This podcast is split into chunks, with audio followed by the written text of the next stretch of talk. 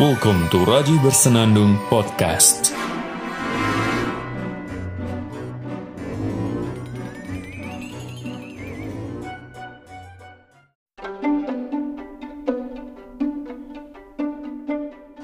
Berjumpa lagi dengan saya Raji Araki di podcast Raji Bersenandung. Untuk episode kali ini kita akan mengundang seseorang, bukan akan ya, tapi saya sudah mengundang seseorang di sini di podcast ini di episode ini. Episode yang kesekian kalinya saya mengundang orang. Kemarin-kemarin kan saya sempat mengundang Mirza. Sekarang saya ngundang seorang kawan yang dia itu penulis, kemudian dia ini kawan saya di anti corruption youth camp. Itu gimana sih bacanya? Anti anti apa enteng? Entahlah. Sama kayak Mirza kemarin. Ya karena beliau ini penulis kemudian tulisannya itu udah ada di mana-mana. Wih banyak di surat kabar di majalah majalah ya majalah ada ya. Di bahkan bikin buku sendiri men. Bu- bikin buku sendiri dua buku sudah terbit.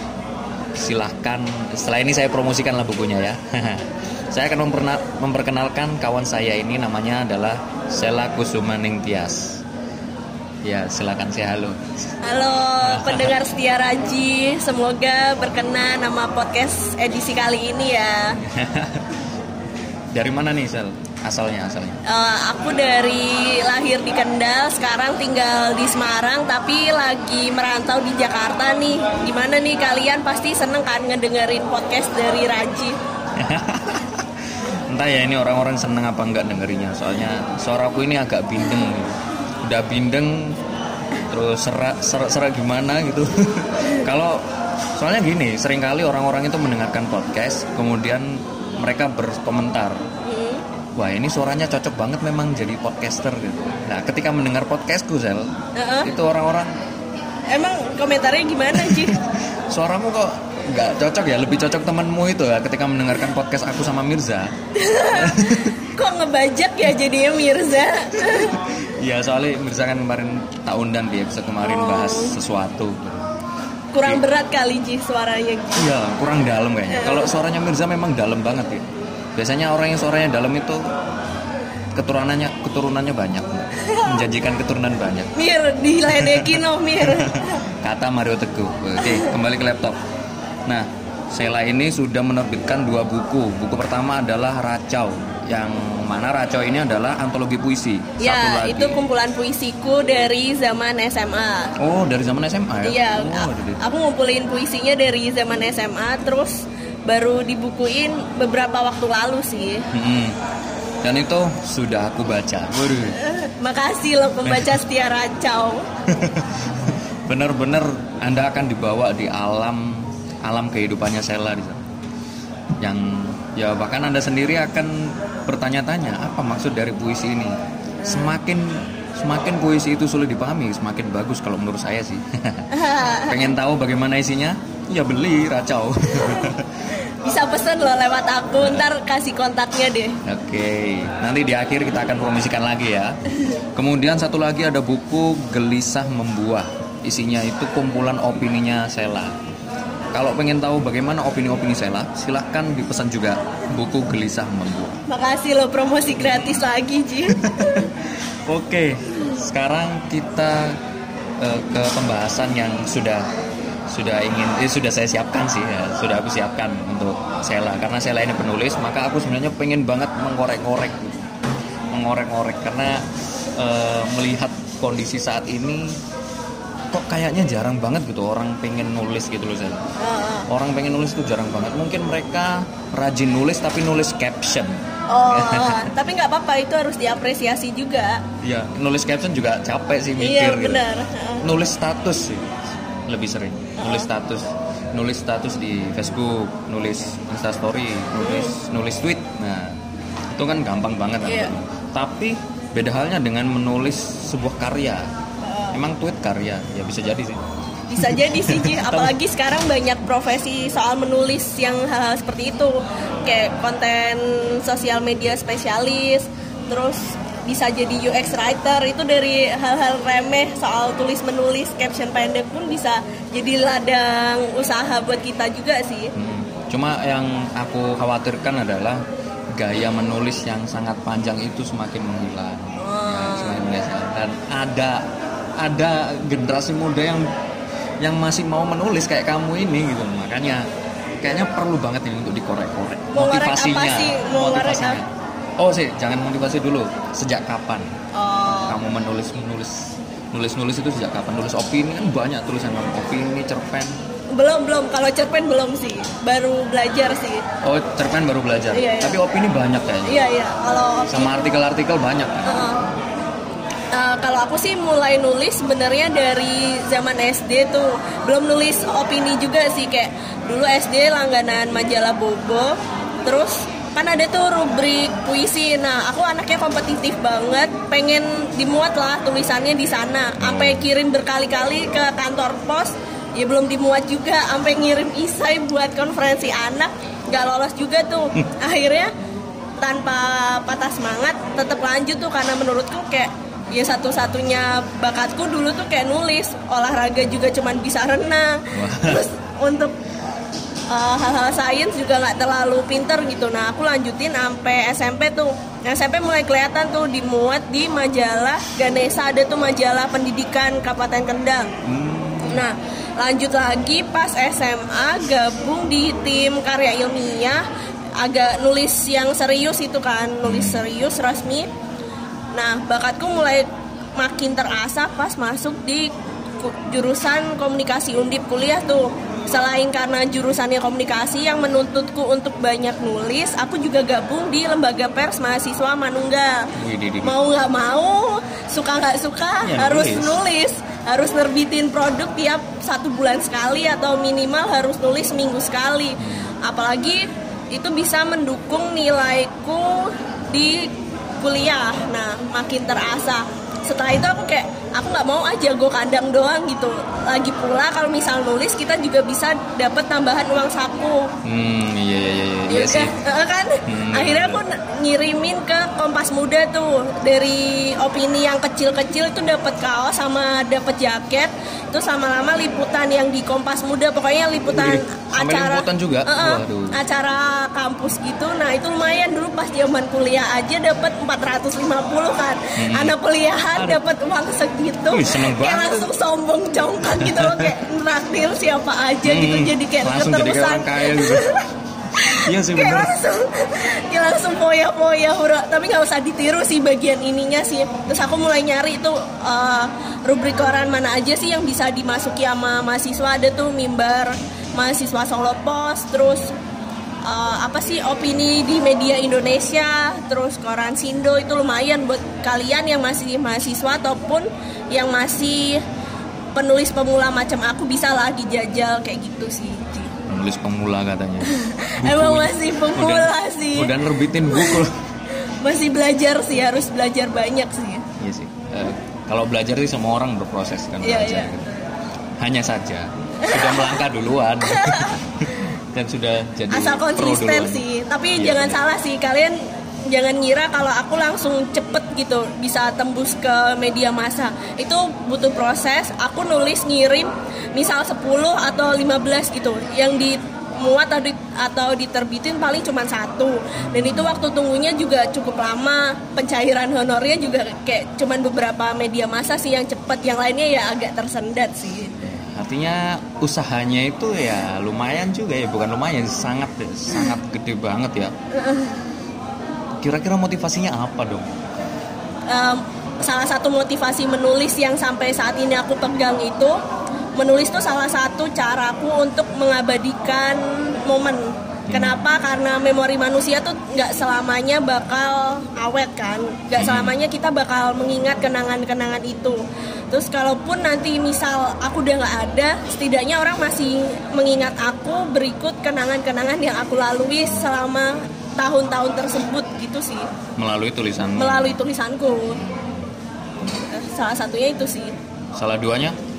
salah duanya karena kayak untuk melepas penat Oh. melepas stres salah satunya aku lewat itu lewat menulis kayak healing sendiri terus aku tuh jujur ya nggak tahu kenapa aku dulu sempet sampai curhat ke temanku yang anak psikologi otakku tuh bener-bener isinya kayak kata-kata doang gitu. Sampai anjir kenapa ya otakku isinya kata-kata kalau misal nggak ditulisin sampai pusing kepikiran Oh. sendiri gitu loh. Bener, bener, terus kata Mbak Dila tuh waktu itu temanku ngomong ya udah saya nggak apa-apa tulisin aja. Toh itu nggak merugikanmu. Ya paling kalau misal aku udah masih di perjalanan atau apa aku tuh selalu bawa buku catatan. Atau aku nyampah di Twitter sih dulu zaman Oh, dulu iya. tuh sampai teman-teman tuh kesel. Panggilanku kan cowok-cowok tuh di Twitter. Apaan sih cowok nyampah mulu nyampah mulu emang sengaja buat ngedraft sih yang nantinya bakal aku save di um, Word buat dikirim jadi puisi sih kayak gitu Oh, gitu. kayak nyampah sih emang aku anaknya nyampah dari dulu sih Nyampah sih nyampah. emang nyampah Ya, tapi semoga berfaedah sih nyampahnya sampai kesel teman-temanku tapi itu kan bagian dari proses. Jadi kalau menurutku sih memang dulu ngeselin sih ya, ya, kelihatannya emang. Anjir Tapi ketika itu menjadi sebuah proses, kalau menurutku ya itu menjadi hal yang sangat berharga. Sekalipun ngeselin banyak orang. oh gitu jadi ya motivasinya ya. Terus eh, berarti sejauh ini sepak terjamu di dunia kepenulisan udah banyak banget dong. Banyak banget ini.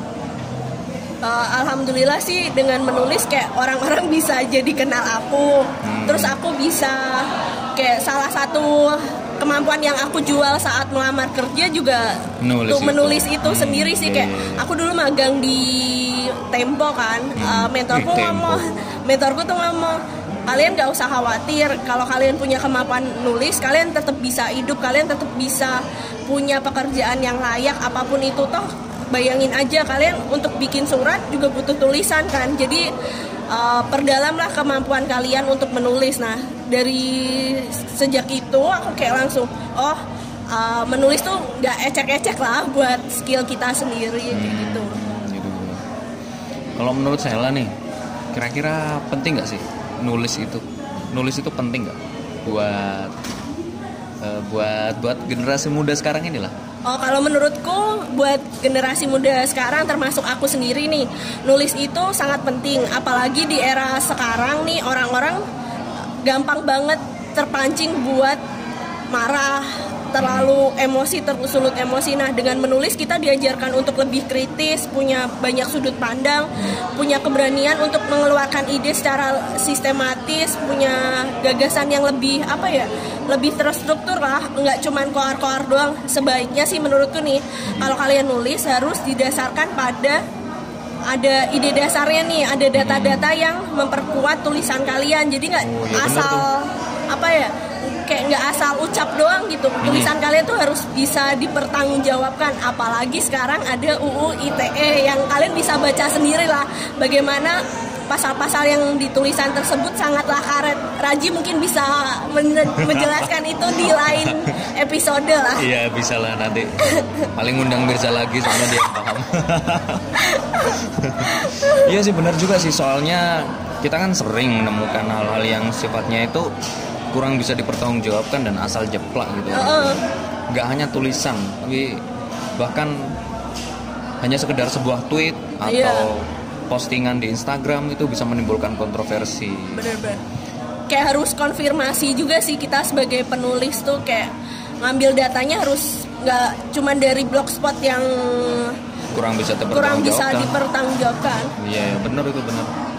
Ya akhirnya ya memang harus dihidupkan sih sebenarnya budaya-budaya untuk untuk banyak baca kan berarti. iya benar eh, sumber Artinya- awal untuk menulis tuh kalian harus suka baca sih Nah, artinya eh, ketika orang mau nulis berarti kan sudah harus ada isinya kan. iya iya nggak kosongan sih Hmm, berarti berarti memang eh, harus di dipastikan dulu Heeh. pemikiran mereka itu tidak asal tidak asal jeplak, Iya, tidak asal nulis. Idenya juga harus dari ide yang nggak hanya sekedar awang-awang aja, Heeh. tapi memang berdasarkan fakta dan data-data gitu. Iya. kan ya. Iya bener juga sih. soalnya apalagi kalau misal kita sering baca bakal memperkaya kosakata kalian sih pemilihan diksinya jadi lebih variatif terus susunan paragrafnya jadi lebih padu gitu loh logika berpikir kalian juga kebacalah lebih apa ya lebih terstruktur antara satu kalimat ke kalimat lain orang jadi lebih mudah tahu alurnya dan kayak enak lah nyimak tulisan kalian gitu sih aku pun masih belajar sih masih banyak terima kritik saran juga sih Iya, aku juga masih belajar nih. Aku belajar langsung sama penulis ya. Waduh. aduh rajin Gini gini gini. Eh, sekarang ini terakhir eh, pesan-pesan. Ada nggak pesan-pesan untuk para pendengar setiap podcast Raji Bersenandung ini? Atau untuk para generasi muda di Indonesia? Kalau di luar negeri udah ada yang ngurus lah. Eh, kalau untuk pendengar podcast Raji Bersenandung eh, terus support channel ini dengan cara dengarkan channel-channel yang positif kayak Raji Bersenandung karena konten-kontennya sangat bermutu dan berkualitas. Nah, kalau untuk urusan menulis, menurutku kalian kayak mungkin tadi dengernya kayak berat banget sih kalau nulis. Tenang-tenang, kalian nggak harus memikirkan ah salah nanti nulisnya gini gini gini. Pokoknya kalian tulisin dulu dari hal-hal remeh yang ada di sekitar kalian. Pokoknya kalian mengasah kepekaan dulu kalau ada hal-hal di sekitar kalian semuanya tuh bisa ditulisin. Semua unek-unek bisa kalian tuangin lalu tulisin aja. Nah kalau buntu kalian endapkan dulu tinggal beberapa jam lalu lanjut. Untuk uh, urusan edit mengedit itu serahkan nanti ya kalian bisa minta tolong ke teman kalian apakah tulisannya mudah dipahami atau nggak harus terbuka sama kritik sih menurutku kayak gitu dan tetap dengarkan channel Raji Bersenandung. Iya. iya. Kayaknya yang terakhir itu kurang terlalu penting sih. Yang penting itu pesan-pesan tentang menulis tadi. Itulah. Yang penting kan intinya dari pesan-pesan menulis tadi itu yang penting mulai dulu aja kan. Iya iya kayak kata itulah startup yang ijo-ijo itu mulai aja dulu Ah, ini promosi apa gimana ini? ya udah. eh, biar kawan-kawan ini para pendengar setiap podcast Raji Bersenandung biar kawan-kawan para pendengar setiap podcast Raji Bersenandung lebih tahu bagaimana tulisannya Sela Kusumaning Tias silahkan order bukunya buku antologi puisi Racau sama kumpulan opini Gelisah Membuah ordernya gimana? bisa langsung DM atau WhatsApp aku. Kalau DM via Instagram @sela_kusumaningtias S H E L A K U S U M A N I N G T I A S. Ntar cantumin di description atau apa lagi. Eh, nah, ya nanti eh, kawan-kawan silahkan follow aja Instagramnya @selakusumaningtias nanti bisa di DM nah ketika teman-teman bisa DM nanti teman-teman bisa order bukunya secara langsung. Nanti mekanismenya dikasih tahu langsung sama si penulis buku. Waduh keren kan? Baiklah terima kasih. Sela udah mau datang di podcast episode kesekian ini. Makasih juga udah mengundang aku. Ya dan semoga kawan-kawan semua terinspirasi untuk terus mau nulis yang tadinya nulisnya setengah-setengah jadi semakin semangat yang belum pernah nulis tulis aja nggak apa-apa. Pengalaman kawan-kawan atau mau bikin puisi tulis aja nggak apa-apa. Nggak ada yang salah. ditolak mah terima-terima aja dulu namanya memulai. Iya namanya juga proses. Sheila dulu kan juga ditolak-tolak ya kan? Ditolak majalah bubu bolak-balik. Namanya juga proses dari kecil loh men dari kecil. Nggak ada salahnya kita mulai dari sekarang kan? Baiklah terima kasih Sheila Iya. dan terima kasih kawan-kawan semuanya sudah mendengarkan podcast ini dan membuang waktu selama 19 menitnya demi mendengarkan podcast ini. Terima kasih sampai jumpa di episode berikutnya. Bye bye